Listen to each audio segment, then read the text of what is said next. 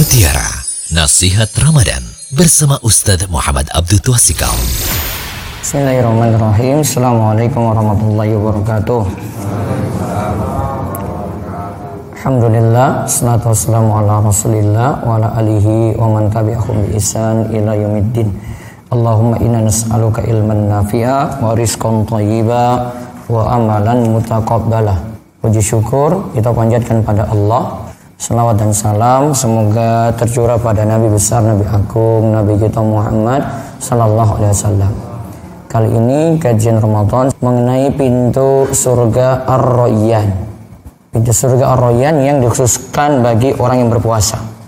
Dalam hadis Nabi Shallallahu Alaihi Wasallam sebutkan dari Sahal bin Sa'ad Nabi Shallallahu Alaihi Wasallam bersabda, Inna fil jannati baban yukallahu royan yadkhulu minhu as-saimun yaumal qiyamah.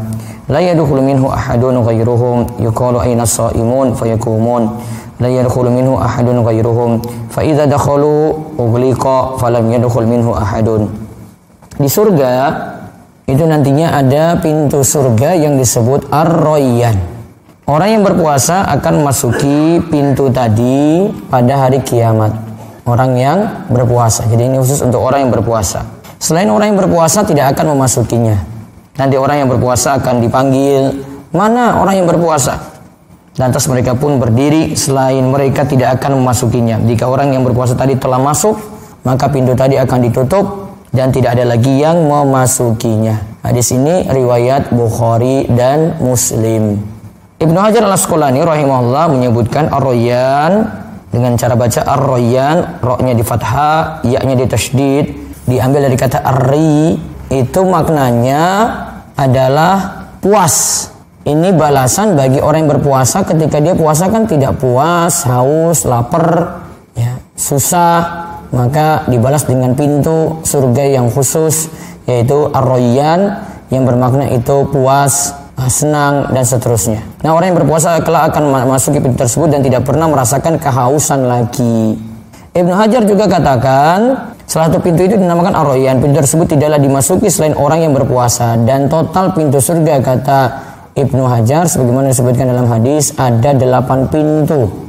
Ada pintu Ar-Rayyan, ya, satu ada pintu sholat, dua ada pintu sedekah, tiga ada pintu haji, empat ada pintu jihad, lima ada pintu aiman.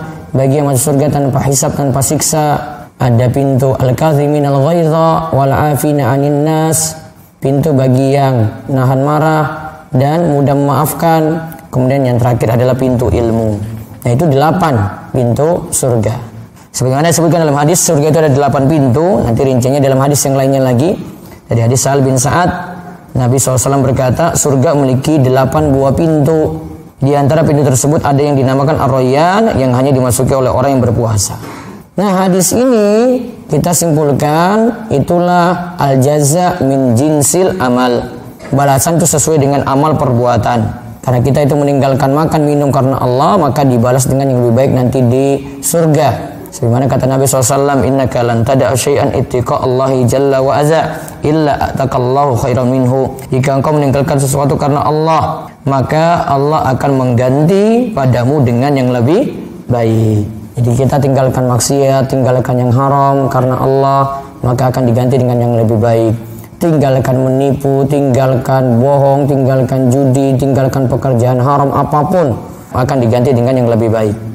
Terus orang yang berpuasa itu juga meninggalkan syahwat seperti hubungan intim, makan, minum, semuanya ditinggalkan karena Allah.